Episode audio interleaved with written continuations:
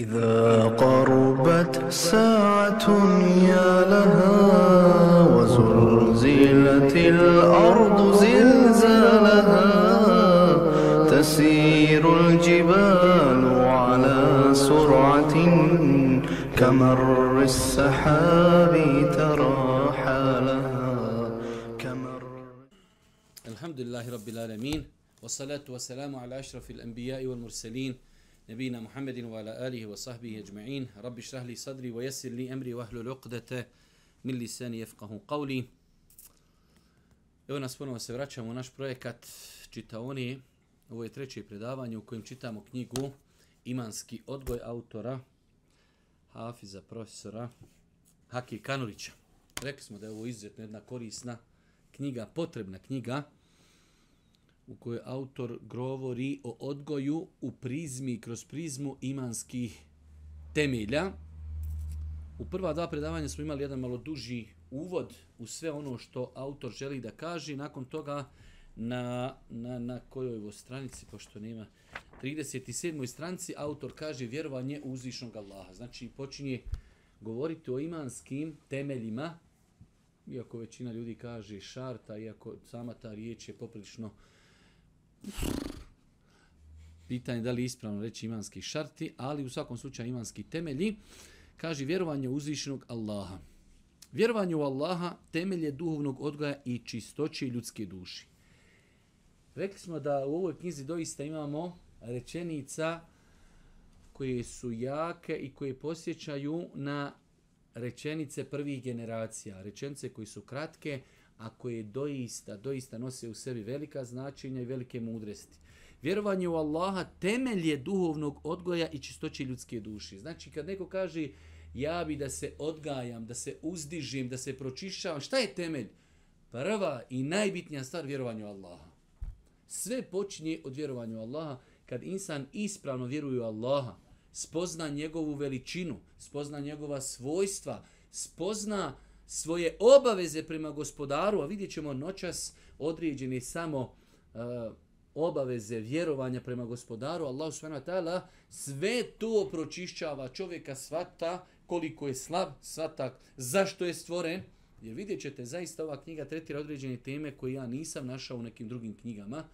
Vidjet ćete vezu uh, ateizma na čovjeka i njegov neodgoj, s druge strane veza imana, vjerovanja na čovjeka i njegovo ponašanje i njegov odgoj.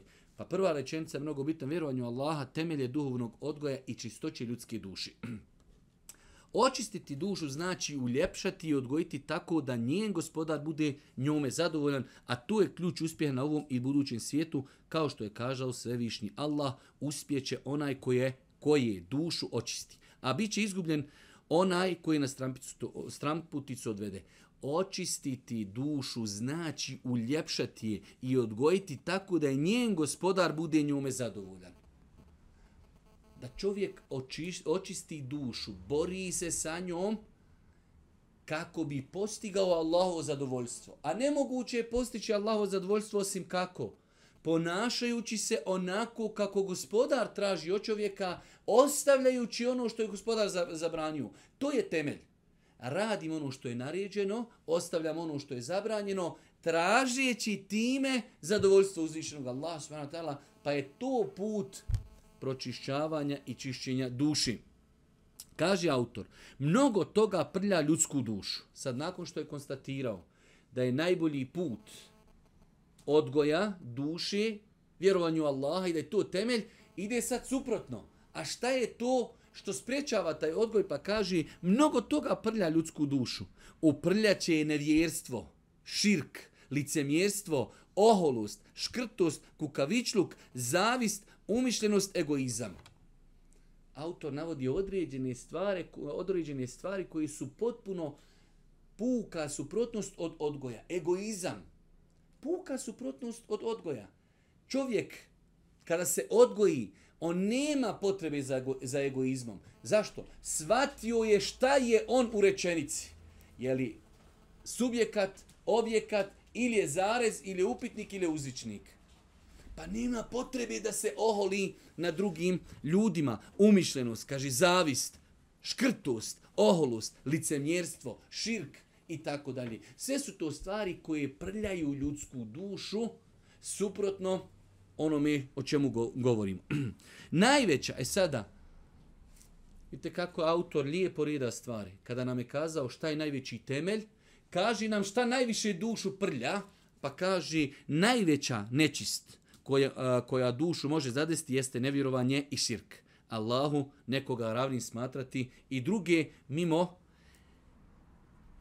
e, dokle ovdje su druge mimo njega obožavati. Jer to je najveći grijeh, a svaki grijeh prlja dušu i na njoj ostavlja trag.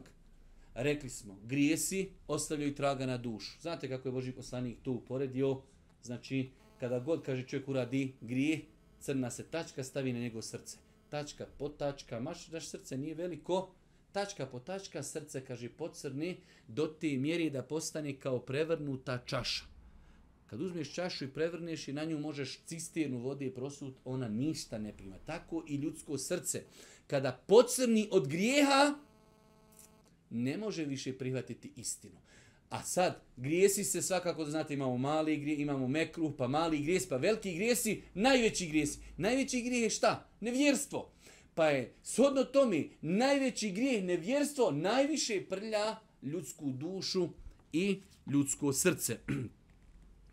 Kaže autor, čistoću je postigla ona duša koja se očisti od nevjerstva i širka i svih njegovih ogranaka, a potom se ukrasi tauhidom, čistim monoteizmom i njegovim ograncima.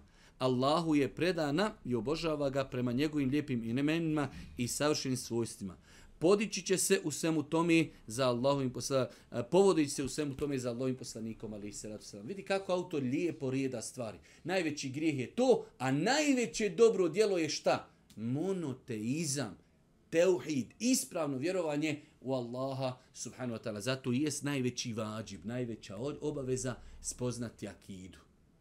Da čovjek spozna ispravno svoje obaveze prema Allahu kroz ovih šest temelja imana.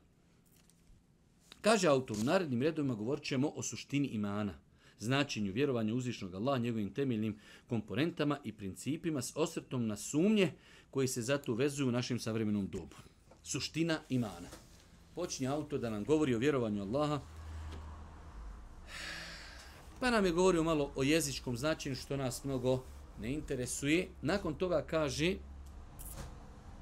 Melek Džibril, alaihisselam, pojavio se u liku čovjeka, izrasto crne kose, izrasto bijele odjeći.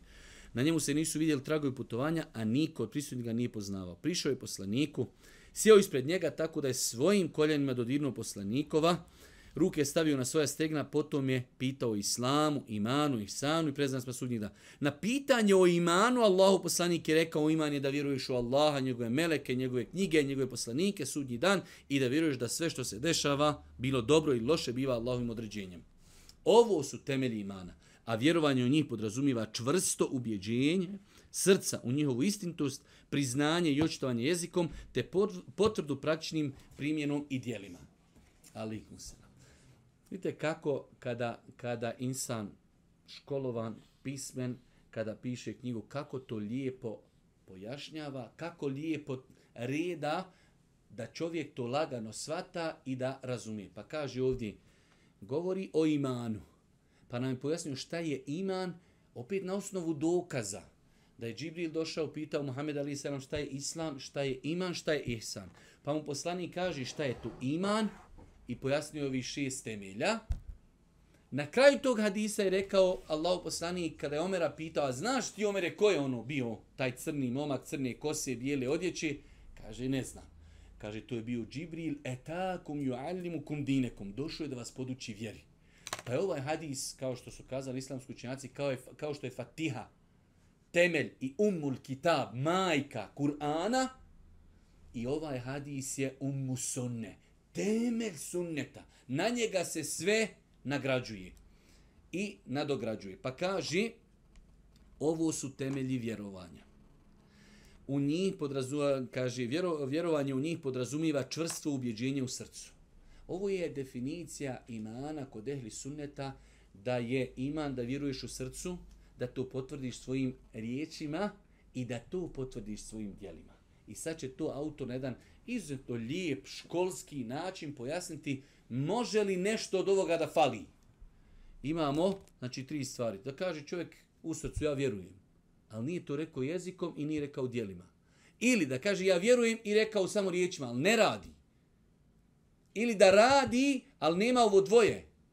Men danas došlo pitanje na e-mail, kaže čovjek, još vidim po imenu musliman, ma kaže, nelogično mi to da muslima, nemuslimani ostanu vječno u džehennemu. Kao njemu je to sad nelogično, zar toliki su grije uradili da budu vječno u džehennemu. Kad počneš petljat logiku, gdje je nije mjesto. I sad dole dok sam bio baš u Mekke, pa ono insan malo čitaš Kur'an, pa se vratiš nekad neki tefsir, neispravna logika, uh, analogija je ubila Iblisa. I od tada neispravna logija, analogija ubi ljude. Kaj, meni je to nelogično. No bravo, Roki, čoveče, kao u mene je logija, analogija toliko klubna da ja to, ne mogu ja to izvagat. Jer Iblis kada me poslani Allah Đeršan naredio, kaže učini seđu Ademu. Kaže, neću, stvorio se, kaže, mene od vatre, a njega se stvorio od zemlje. Kao po njemu je, ja sam na levelu većim vatra i na većim levelu od zemlje.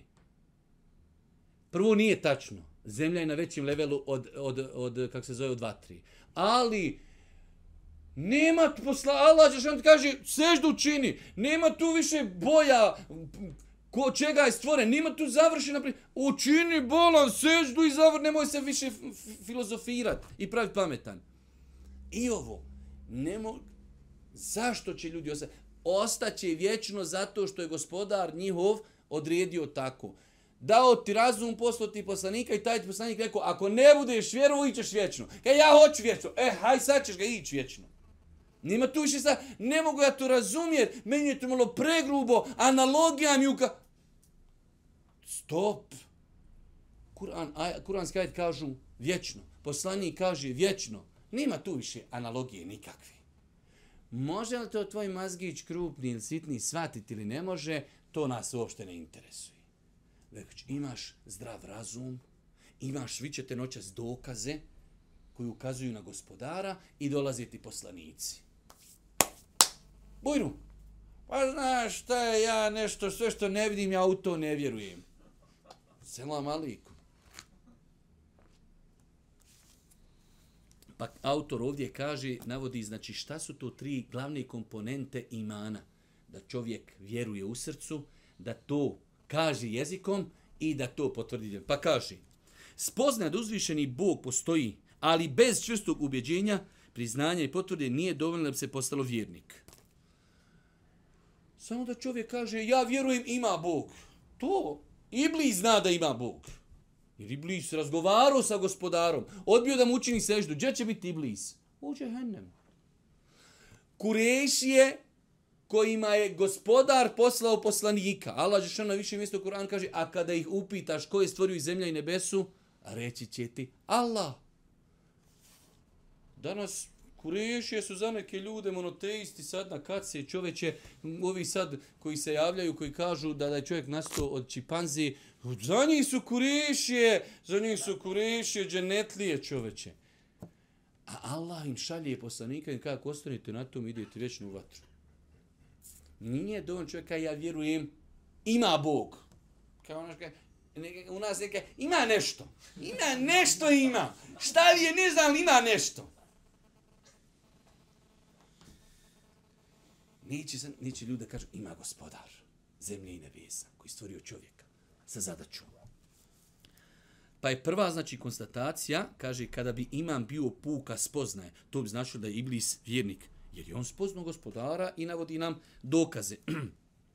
Isto tako kaže, kada bi imam bio puka spoznaja, to bi značilo da je vjernik bio i najveći silnik ljudske vrste, vrste faraon. I faraon je znao da postoji Bog, ali nije tijelo da se pokori. Kaže dalje, kada bi imam bio puko svjedočenje jezikom, bez srčanog ubjeđenja, licemjeri munafici bili bi vjernici, jer i oni izgovaraju šehadet. Sad je otišao drugu stvar, autor govori. Kogod kaže rekni la ilaha illa, ma klanjam, pa sovo Boga, ne, izdo muslimane, rekao je la ilaha illa. Allah je što kaže wa minan nasi man yaqulu amanna billahi wa bil yawmil akhir wa ma hum bimu'minin. Ima ljudi koji kažu vjerujemo u Allaha vjerujemo u sudnji dan. Allah kaže nisu vjernici.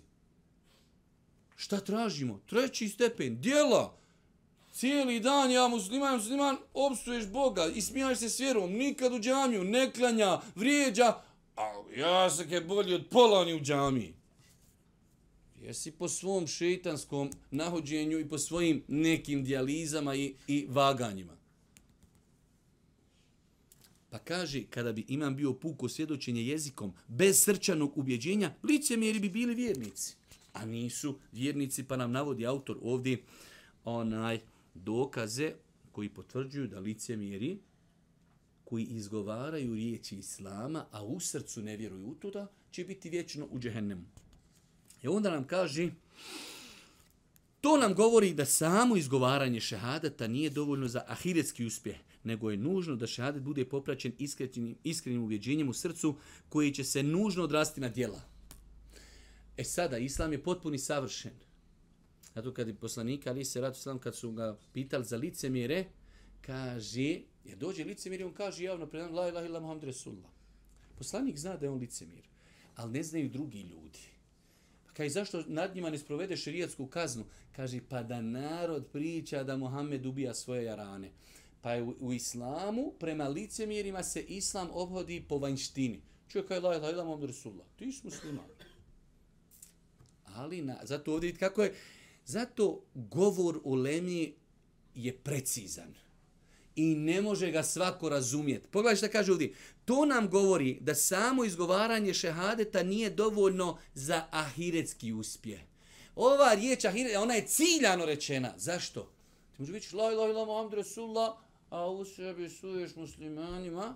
Ok, na dunjalku tebi kažu musliman, zaklao kurban, hajde jedemo tvoj kurban. Ali na ahiretu neće uspjeti. Ahiretski licemjeri će biti u džehennemu. Dunjalučki obhodimo se prema njima kao prema muslimanima. Nego je nužno da šehadet bude popraćen iskrenim ubjeđenjem koji će se nužno odraziti na dijela. Aha, vjerujem, rekao jezikom, mora se to potvrditi i odrasti naša dijela. ovdje nam je autor onda kaže, ovdje se očituje raskeć među islama i imana. S obzirom na to da se izgovaranje šehadeta potvrđuje islam, ali ne iman. Pa ovdje dolazi ta razlika između mu'mina, i muslimana. Musliman čovjek kaže, ja vjerujem u Allaha. Ešhedu la ilaha ešhedu imam Resulullah.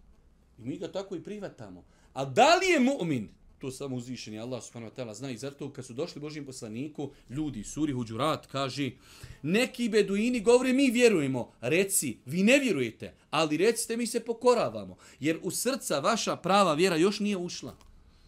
Mi vjerujem, kaže, eslem, reci da ste muslimani još ima nije ušao, vi ste vanjštinom, da, ali još ima nije ušao u vaša srca. Kaže, stvarno prisustvo imana u srcu veći je stepen od formalnog izgovaranja šehadeta. Veći stepen. Veći stepen od toga. Formal, formalna pokornost, kako manifestuju munavci, odvešće i na dno džehennema, a onoga u čijem se srcu nađe istinski iman svevišnji Allah zabranjuje vatri džehennema. Znači, licemir, iako vanjštinom pokazuje islam, završit će u najdubljim dubinama džehennema.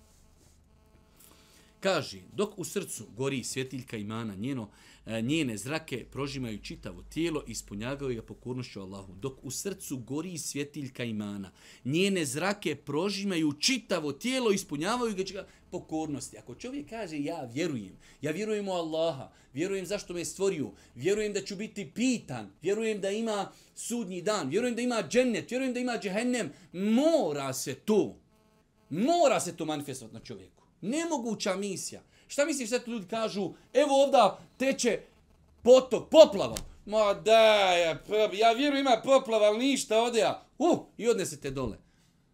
Ma izišao ti vamo kroz WC šolji pobjegov ne ti vam. Vjeruješ od nje me vjetar. Sad u Floridi iziđeš ti je, ono nas jede, ma daj, ma kak je, sašit mene mrge. Bacite dole do kinu. Kod tuna sam ljeven. Vidiš, zakivaju daske, Amerikanci sakrivaju se jarane komiševi, dok tri dana Florida prođe vjetar. Vjerujem, sakrivam se. A vjerujem u Allah i ništa ne, pra, ne radim. Ne mere lažeti nos. Ako vjeruješ u Allaha i sudnji dan, i džennet, i džehennem, ma moraš biti pokoran. Nema to nemoguća misija. Mora se to reflektirati na čovjekovom ponašanju. Sad, vidjet ćemo, jačina imana se razlikuje. Se mora negdje reflektovati. Nigdje čovjeka nema. Ali po njegovoj priči, on je odmah ispod Ebu Bekra i Omera. Ne može. Ako vjeruješ da ima džehennem i da Allah Žešanom kaže, a šta je to, zbog čega ste bačeni u džehennem, kaže, nismo namaz obavljali. I ti pričaj, pa kao ja ne voljam namaz, ali ja vjerujem da ću džennet. Eš, vrate moj dragi, vjeruješ. Pa kaže, u tom smislu, e, imam Ebu Hanife, rahmetullah je rekao, nema imana bez islama. Nema imana bez islama. Šta je islam? Rekli smo, islam je vajština. Klanjam, postim, la ilaha ila muhammed resulullah. To je islam. Nema imana bez potvrdi dijelima. Nema imana bez potvrdi dijelima. Tako kaže, islam u ovom kontekstu predstavljaju dijela i pre, predonost Allahu, jer kad se u srcu nalazi istinsko ubjeđenje u imanske šarte, to se odrazi na dijela koja su ogranci tog e, koliko, 60 i nekoliko ogranaka, najbolji od njih su riječi i tako dalje. Kaži, s razmjerno činjenju dobrih dijela raste ubjeđenje i iman se povećava. Ovo je sad jedna poznata šerijatska mesela i pitanje, s razmjerno pokornošću povećava se iman, s razmjerno griješcima iman se smanjuje. Imamo mi temelj, čovjek kaže la ilaha illa Muhammed Rasulullah ušao u islam. Ali je li taj čovjek koji ušao u islam, koji možda još ni najosnovnija pitanja ne zna vjeri, je li njegov iman kao neko ko cijeli dan uči Kur'an, klanja noćni namaz, spozno Allaha, oslanja se na Allaha, vjeruje u Allaha, vjeruje u sudnji dan, živi sav život, kaže, ma isti su oni. Ma nisu isti. I meni već dugo vremena smeta ona, ona teorija, kad te ne, pomene to pravljenje ljudi budalom s jednog aspekta. Kaže, neš biti dobar vjernik sve dok sve ljude koji sretneš na ulici, bez obzira kak su, moraš ih smatrati boljim od sebe. Ne mogu, za mene to poniženje. Za mene to praviš me budalom. Ma brate moj, da naiđe on dole, napio se, psuje Boga, znaš šta, možda on bolji od mene. Ma nije bolji od mene.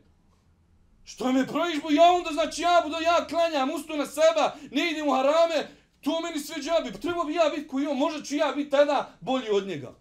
Ma nemoj me, Allah ti ubija tu pojam. I to ti dođe neko i soli ti pamet, ono kao, trebalo bi se odgojiti da tako koga god sretniješ na ulici da misliš da je bolji od... Ma neću se tako odgojim, brate. Trebao bi onog budalu dole pijana, sve kaj, znaš šta ovaj možda bolji od mene? Nije bolji od mene. Nije da se ja falim, niti ni peti, svi vako trebamo razmišljati. Ako je taj pijano bolji od mene, pod koga sam ja bolji, Allahu Ekber? Nije bolji. Nek se popravi, pa u džamiju, tu ćemo se natjecati. Ko je prije došao u prvi saf?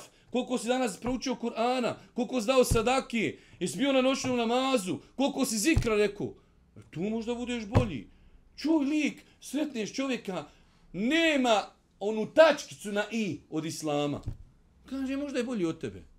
I sad kao ja bi trebao reći, pa et, ja se trudim da tako ljude, ja se ne trudim. Ja se ne trudim da pravim od sebe samog budalu. Što se onda ja pokoravam? Neka njega doli u nargili, ja ću pre njega, ali znaš ne možeš ti bolji od mene. Ma nisi ti bolji sine od mene. Nije ovo umišljenost. Da sad neka je naš pezić. Svi vi trebate tako razmišljati. E treba je sad, e, Roki, koliko ti dnevno gruneš nargila? Tri. E, ja četiri, možeš ja biti bolji od tebe. Neću da pravim od sebe konja i budalu čoveče. Ja se čuvam harama, idem u džamiju, zikrim se, kaže mora, moraš osako misli da je bolji od tebe. Ne moram. De mi nađi ajet hadis koji o tome govori. To je šuplja koju su neki ljudi izmisli pa je pustili onako kroz vjetar među narod. Ja to ne prihvatam. Ako neko ima dokaz, neka ga donesi.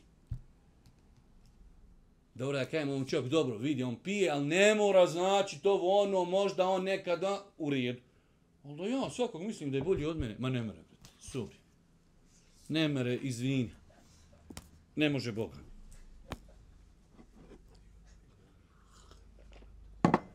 Srazmjerno činjenju dobrih dijela raste ubjeđenja, iman se povećava. Kaže uzvišeni Allah subhanahu pravi vjernici su samo oni čija se srca strahom ispune kad se Allah spomeni. A kada im se riječi Allahove kazuju, to im vjerovanje povećava. Jasno. Čudo je da je bilo umetu ljudi koji su smatrali se iman, iman ne povećava, ne smanjuje. Allah Žešan kaže zadethum imana. Ali nemo, znači, ne, nema rije, riječ u arapskom jasnije od ovi. Poveća njihovo vjerovanje kad im se govori, aj, neka iman, svi isti imamo iman. A dobro, šta onda kaže Allah poveća? Znači ima neko je osto, a nekome se iman poveću. Ili kad kaže Allah poslanik, ko od vas vidi izvo neka ukloni rukom, pa ako ne može kokloni jezikom, ako ne može, nek prezrije srcem. I šta je tu rekao? Ali je to najslabiji i najmanji vid imana. Pa viš da ima, dole ima, gore. Poveća im se iman, smanjim se iman. Kad to je najmanji vid imana. Nekaj, svi smo opet isti. Kako isti ja, rab? Poslani kaže, najpotpunijeg vjerovanja su oni koji su najljepšeg ahlaka. Najpotpunijeg, znači potpun, srednji, nepotpun, krnjav. A morate u ponoći, u po dana znati odgovor na to. Da li se imam povećava? Da. Da li se smanjuje? Da. Znaš, nekad osjetiš, povećat se imam, brate moj dragi, znači, sam bi sjedio i sam bi zikru. Znaš, nekad, brate moj dragi, na farze bager ide i za te gurate, ti guraš bager nazad. Teško ti. Ali ideš, boriš se. Oslabio iman. Hm. Sto posto. Pa iman raste i samim tim raste odgoj, čime pokornošću pada, čime nepokornošću grijesima i samim tim i odgoj čovjekov pada.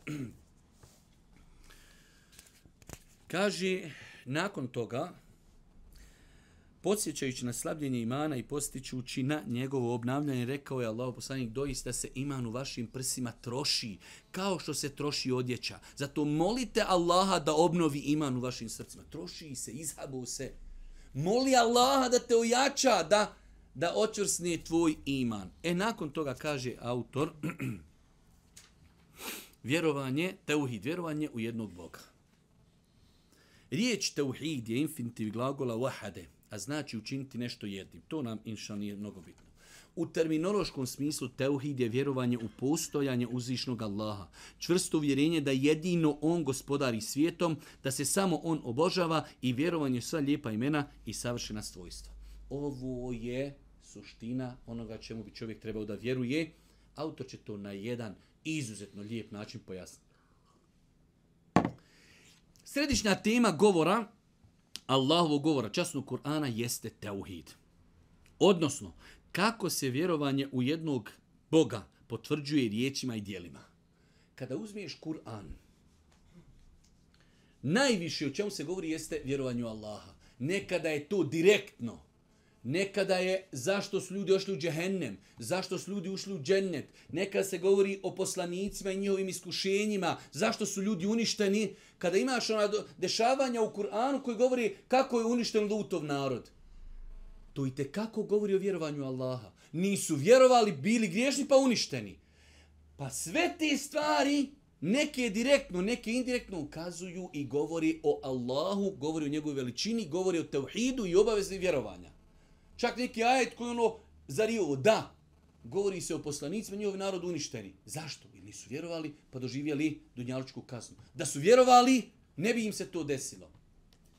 Pa kaži autor, središnja tema Allahov govora časnog Kurana jeste teohid. Kaže on ovdje, u brojnim ajetima središnji Allah ukazuje na značenje teohida i njegove vrste. A to se može ilustrativno već kroz Fatihu, na čijem početku Svevišnji Allah kaže hvala Allah, gospodaru svjetova. Već je o početak. Da li, si, da li smo mi kad razumijeli kad kažeš Alhamdulillah Rabbil Alamin, Ar-Rahman, Ar-Rahim, da to već u prva dva ajeta si već potvrdio vjerovanje u tri vrste koji su sastavni dio teuhida i rububije, da je Allah gospodar i uluhije, da se njemu i čini i je smao sifat i u njegova imena i svojstva. Elhamdu Hvala Allahu. Hvala, šta je hvala? Ibadet. Allahu pripada. Pa potvrđuješ da se ibadeti samo čine i daju Allahu. Elhamdu lillahi. Zahvala pripada Allahu. Zahvaljivati Allahu je ibadet. I to veliki ibadet. Kome si ga pripisao? Allahu gospodaru svjetova. Rab, gospodar, Rabbul alamin. Elhamdulillahi Rabbil alamin. Rab, stvoritelj svega, alamin, stvoritelj svjetova. Pa je Allah Đelšanu stvoritelj svjetova, njemu ibadete činimo i on je stvorio sve na zemlji. Onda kaže Malik Jaumidin Ar-Rahman Ar-Rahim, on je milostivi i samilosni, treća vrsta tevhida, gdje vjerujemo u sva Allahova imena i svojstva. E, nećemo se ovdje mnogo oko toga zadržati, ko hoće malo nek detaljnije. E, pročita, kaže na 42. stranci, iz, naven, iz navedenog se razumije da se teuhid ostvaruje kroz tri principa. Vjerovanje da je samo Allah tvorac, gospodar svega. Vjerovanje u sva Allahova lijepa imena i savršena svojstva, upućivanje svih vrsta ibadita isključivo Allahu te varkvetala. Ovdje vam može nekad neko postaviti nakon neku da kažemo nejasnoću, da kaže gdje je to spomenuo poslanik da postoji tri vrste teuhida?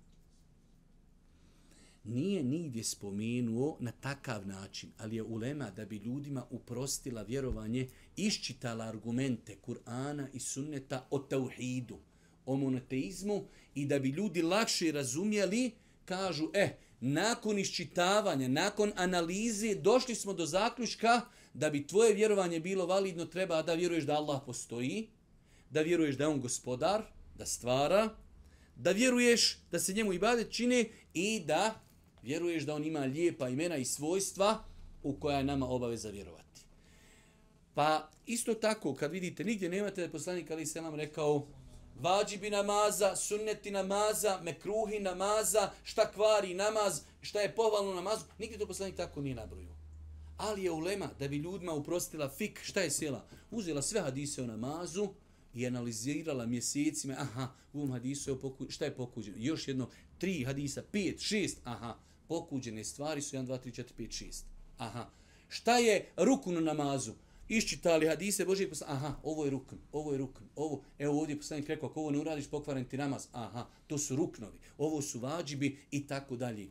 Pa znači, e, ovakav način pristup podijeli teuhida je samo zbog olakšanosti da ljudi razumiju ništa viši. Kaže autor, iako vjerski izvori nedvojbeno ukazuju na ovo značenje tauhida u njenim periodu, e, e, u ranom periodu islama, ovakve kvalifikacije nije se spominjalo upravo zbog toga što su ta značenja bila jasna. Znači u početku ljudi su bili ashabima, tabinima, nisi im trebao ništa crtat. Rekao Allah, rekao poslanik, amin, i u to vjerujemo. E sad ljudi dolaze pa nejasnoće i u svakoj od ovih vrsta tauhida i rububijeta, da je Allah gospodar, i uluhijeta, da se Allah učine ibadeti, i esma u asifat, vidjet ćete da su došle velike nasnoće, e, veliki izazovi, gdje su učenjaci davali odgovore na te izazove, pa da bi se ljudima to uprostilo, ulema je to tako i podijelila.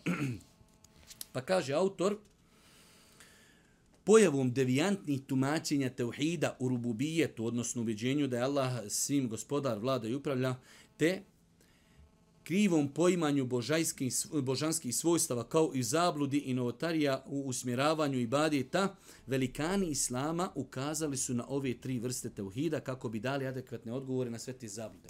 Kako se pojavljivale zablude vezane za ove tri vrste teuhida, učenjaci su i davali odgovore na to. Dobro.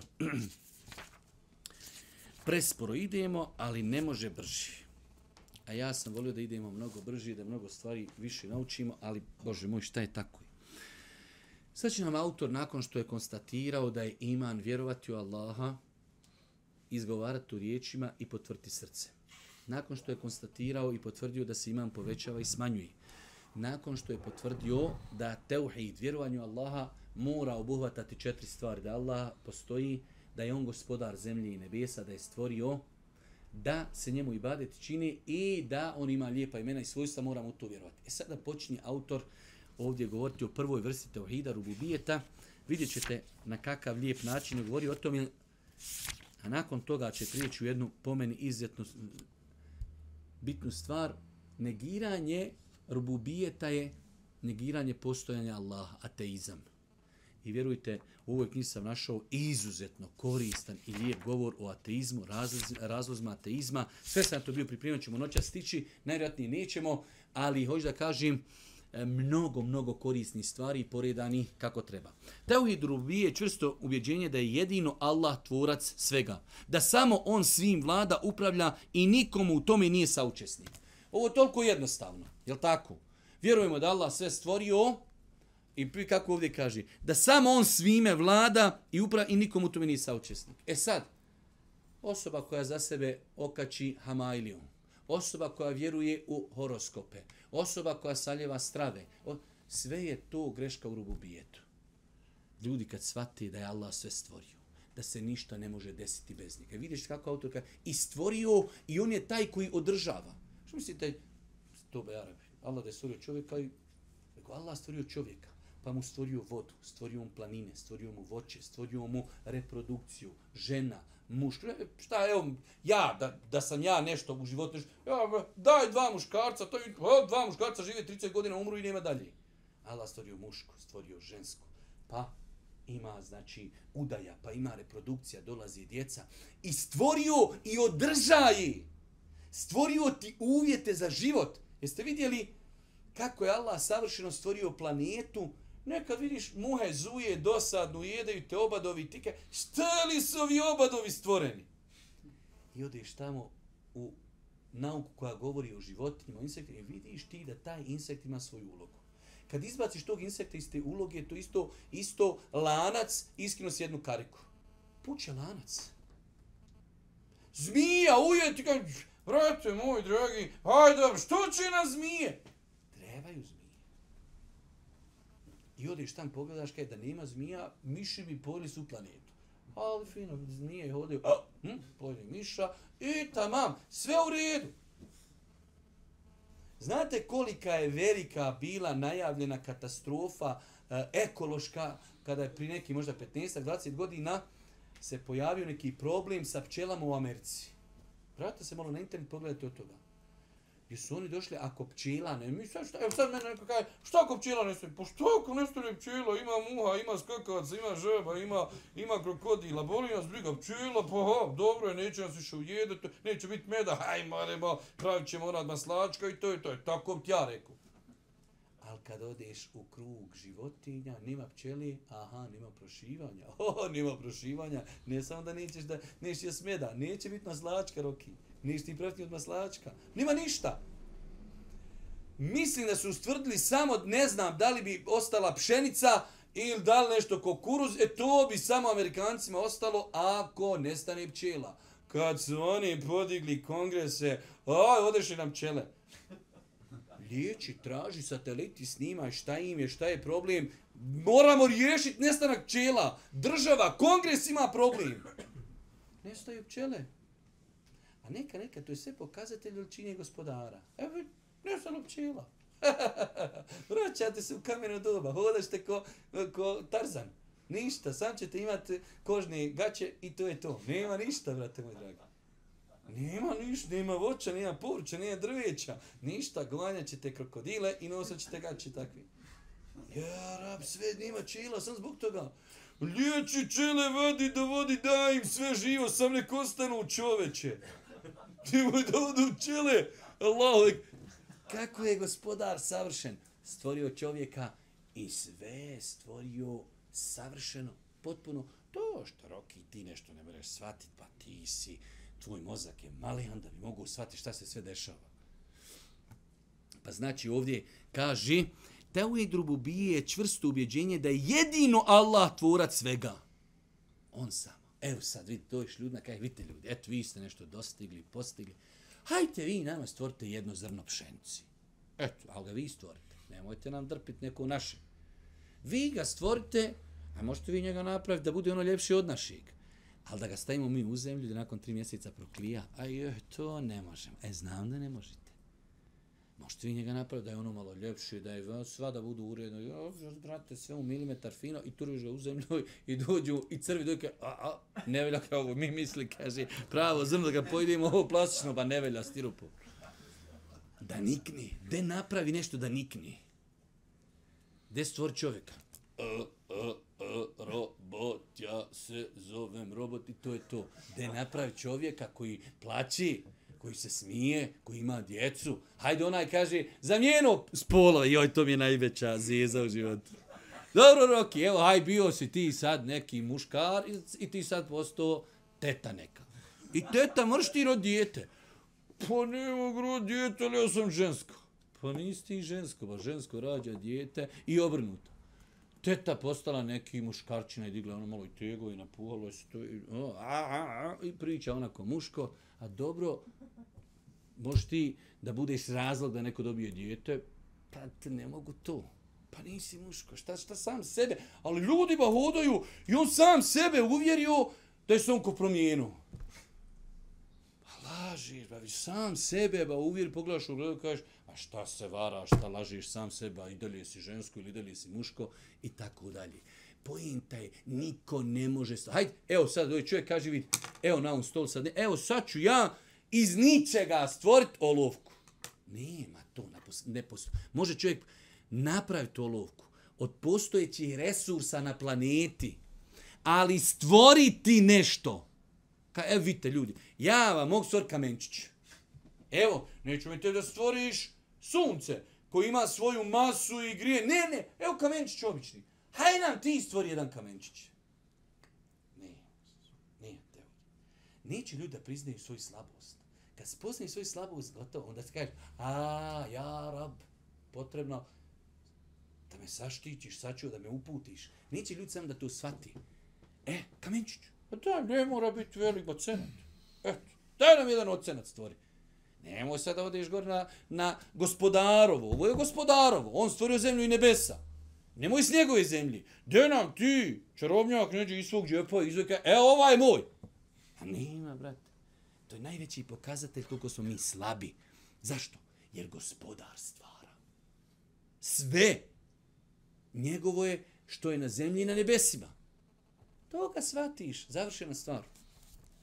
Kaže, već smo ukazali na lingvi, lingvističko značenje tauhida. A izraz rububijet izveden iz arapskog glagola rabba, je- jerbu, što znači gospodariti, vladati, upravljati. Dobro. Iz istog korijena izvedena je riječ rab u značenju gospodar. Er rab se od, određenim članom jedno od Allahovi lijepi imena i koristi se samo za gospodara svjetova. Kad se kaže u arapskom arab sa e i l, odre, ništa drugo osim Allah, er rab.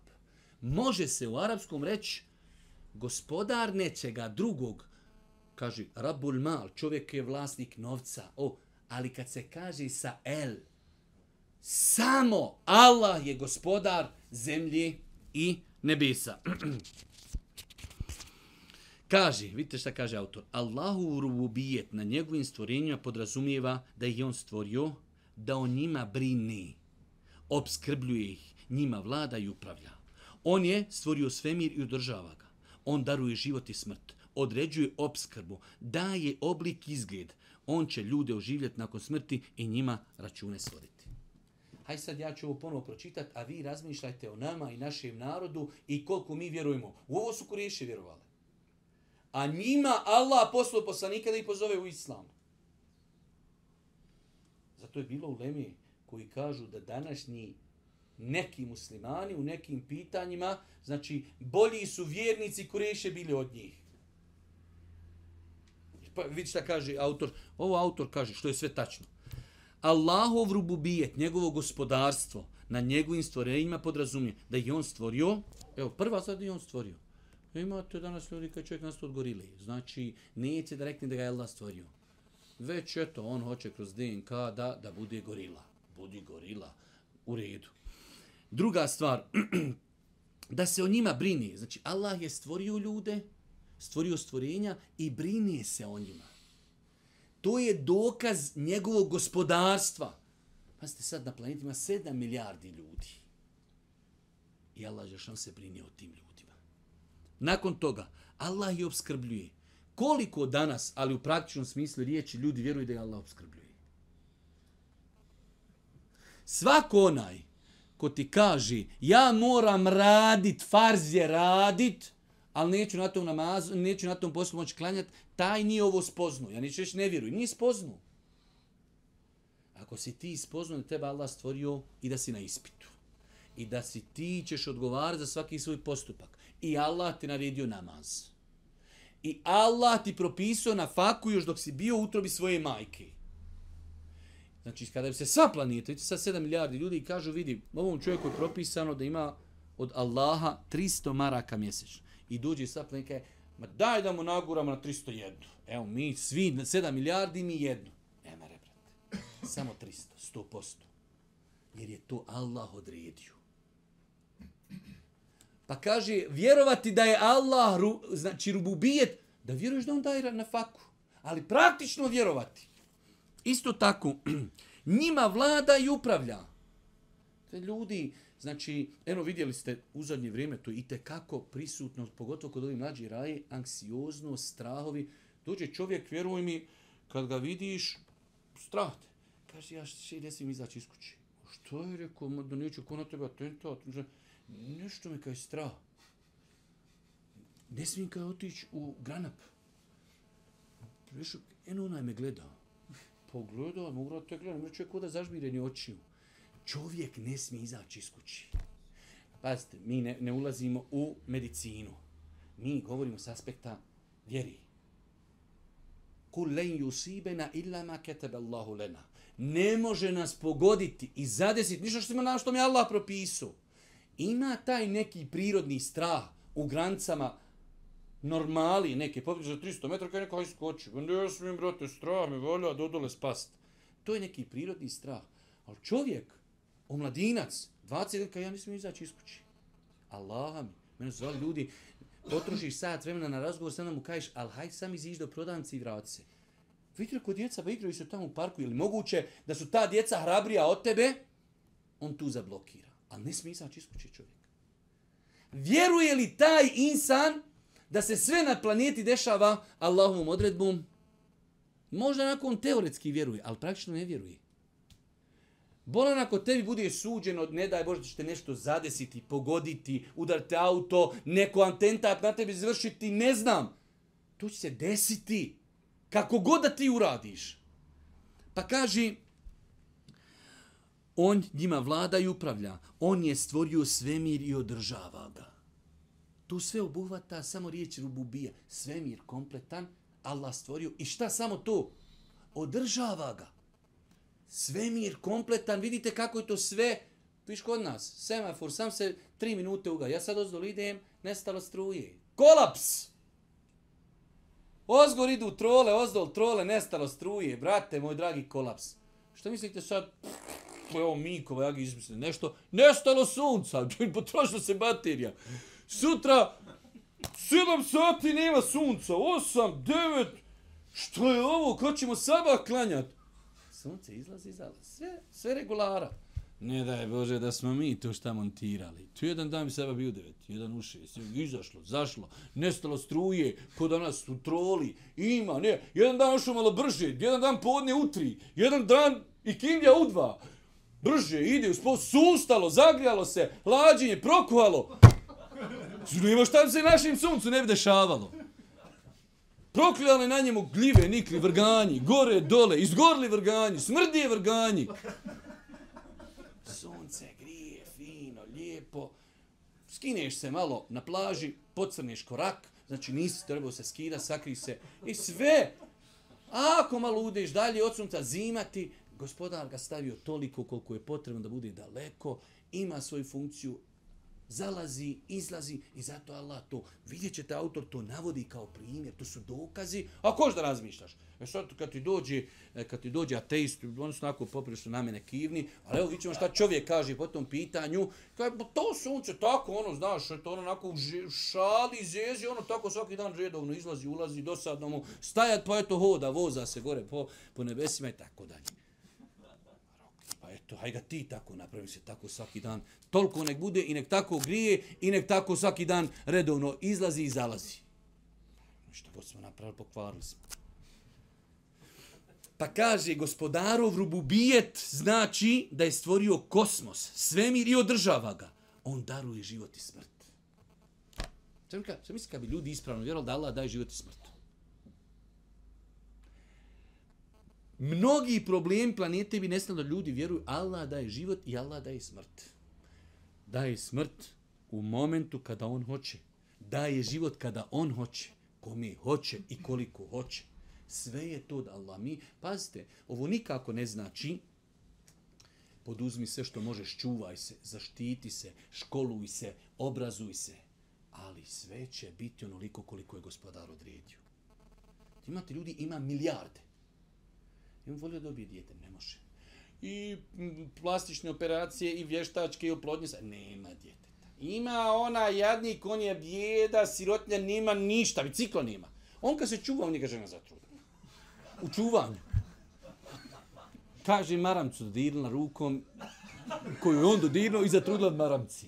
Ha, e, rate moj dragi. To je, brate, Allah ovo mi je propisao će biti život. Ovo mi je propisao da neće biti život. Milijardka, ja imam milijardu. Evo, pet, nema. A kad ja bijeda, ja se čuvam, ja se sakrio, žena takla maramcu, zid dirla, kaže, ošla na rengen, kako je zatrudila. Kako si zatrudila, Allah, ekber. Allah propisao i završena stvar. Pa kaže, on daruje život, on daruje smrt. Određuje obskrbu. On je taj koji stvorio, on, kaže, održava lju- i njima određuje na faku i rizik. I zato ćete vidjeti, bez obzira na faka, rizik insanu dolazi. Daje oblik i izgled. Što kad bi ljudi ovo shvatili danas? Allah, da ljudi ovo shvati. Zatvorilo bi se 95% ovih naših sad, uh, ovih bolnica koji radi plašne operacije. Danas 95% ljudi nezadovoljni sa sobom. Vidite kakvi ja e-mailova dobijem od ljudi. Ljudi hoće da izvrši samoubistvo, eto, uhom malo nakrivlo se i kaj ja, šejk, ja sam gledam, svi ljudi na planet gledaju tvoje uho. Tvoje, to tvoje uho toliko njima interesantno. Kad ti iziđe, ali on to tako njemu šeki priđi. On kota, to njegovo uho je volko. I on sad kad oda u Sarajevo, znaš, svi gledaju njegovo, ne gleda, brate, ima ušiju veći od tvoji, vidi zeca kolike su uši, nikome ne smetaju. Ali on kaže, ja, šip, psički, ja ne znam šta ću. Moje uši, mogli ja, šta ću s ušima? Allah je taj koji te tako stvorio. Možda ba da si lijep, možda ne bi izbirtije izlaz, možda bi se kurvu 28 sati u 24. A tako malo ti uho nakrivno, nećete niko tamo da tebi lest. Alhamdulillah, rabbil alamin. Gledaj stvari iz pozitivnije prizme i malo. Jel, jel tako? Allah mi svevišnji. Pogledaj ovi šetana sad, kogod je imalo fin, to nema, slika se po cirka, ureklo ga, vrti se u njemu nešto. Če se neće vrtiti u tebi, čoveče, u tebi ima igralište ko Manchester United, šetana, čoveče.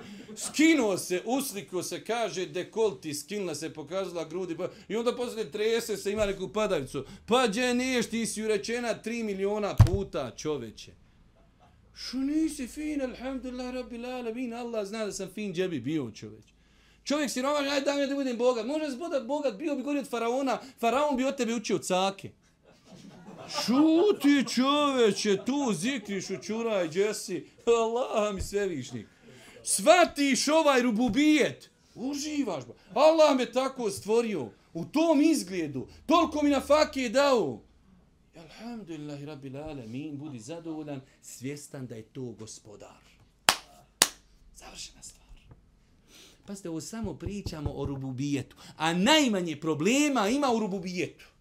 A u nas sve problemi. Mi još nijednu stvar nismo udarili, evo ovdje smo prošli. Mi nijednu stvar još nismo prošli. Udara je se tek na rububijet Mekelije. Ove stvari znali. U Mekki ljudi vjerovali. Kad, kad ih pitaš ko je stvorio zemlju nebesa, kaže Allah. Danas pitaš ljudi ko je stvorio zemlju i nebesu, nastale same. A da ima neđe još da su neka zemlja i nebesa još nastala, rezervna neka. Što sad opet neđe nešto ne nastane. Evo, aj ti nam nastani, nek kod tebe nastane jedan kamenčić. Aj, ča, evo, za čačkalcu, za zube, daj nam jednu, ti stvori. On daruje život i smrt, određuje obskrbu, daje oblik izgled, on će ljude oživjeti nakon smrti. To se može gospodar koji je stvorio zemlju, stvorio nebesa, zato je, e, to je bio problem Kurešijama. Kaže, dobro, mi vjerujemo da nas je Allah stvorio ali kako će nas oživjeti? Ali vidi kako je to nelogično. Pa koji mala Allah Žešan kaže, pa onaj koji vas je prvi put stvorio, a i dunjalučki gledano, uvijek je stvar prvi put najteže napraviti. Već drugi put uvijek sve je lakši. Znači kad hoćeš izmisliti neku mašinu, prvi put je najteže, već drugi put odmah ide lakši. Ali njima to nije išlo u glavu. Kako kad, kad mi, kaže, istrunemo i zemlja pojedina, kako će nas Allah stvoriti? Ko što te je stvorio prvi put od tekućine sjemena i to znate koji je tekućine sjemena. Kad čovjek sad pomoću mikroskopa gleda jajni ćelije muške i ženske između čega dolazi do oplodnje. I sve to prenese, ta sitna, sitna molekulica prenese sav taj nasljedni izgled od majke ili od oca. Ko hoće sam razmišljati? Ko hoće samo razmišljati o Allahu i njegovim znakovima? Nema tu, tu, tu znači, nema mogućnost da bude nevjernik. Ali vi ćemo navješći ovdje autor deset stvari zašto ljudi ne vjeruju. Pa ćete vidjeti, neće ljudi razmišljaju. Kazali su tamo na, na televiziji da smo nastali od majmuna, idemo sutra kupujemo banane i majmuni smo, to je to. Ja sad išao ganjat, Kur'an, iščitavat, nemoj, to je meni lakše da ne bi vam vrijeme moje na, na internetu mi uskratili, lakše je meni vjerovati da sam majmun i to je to. Ali čitat, slušat, razmišljat, uključi svoj mozak, pa da vidiš od čega čovjek nastaje i kako nastaje i da ta kaplica sjemena, ona prenese sve osobine ili oca ili majke. I onda kaže, pa kako će me stvoriti iz ove repne kosti? Pa iz čega te prvi put stvorio? Sam da ljudi hoće da razmišljaju. Ovdje ćemo mi ipak stati. Ja sam bio stvarno zaplanirao mnogo toga, više ćemo prijeći, ali nek ide ovako lagano, možda ovako lagano više naučimo nego da idemo brzo, pa da prelazimo stvari koje ne razumijemo. Allah s.w.t. molimo da našeg šeha Hakiju nagradi obilato zbog ove korisne knjige. Molim ga subhanahu wa ta'ala da bude svima nama milostiv, da nam podari korisno znanje. Na kraju subhanika Allahumma wa bihamdika ashhadu an la ilaha illa anta astaghfiruka wa atubu.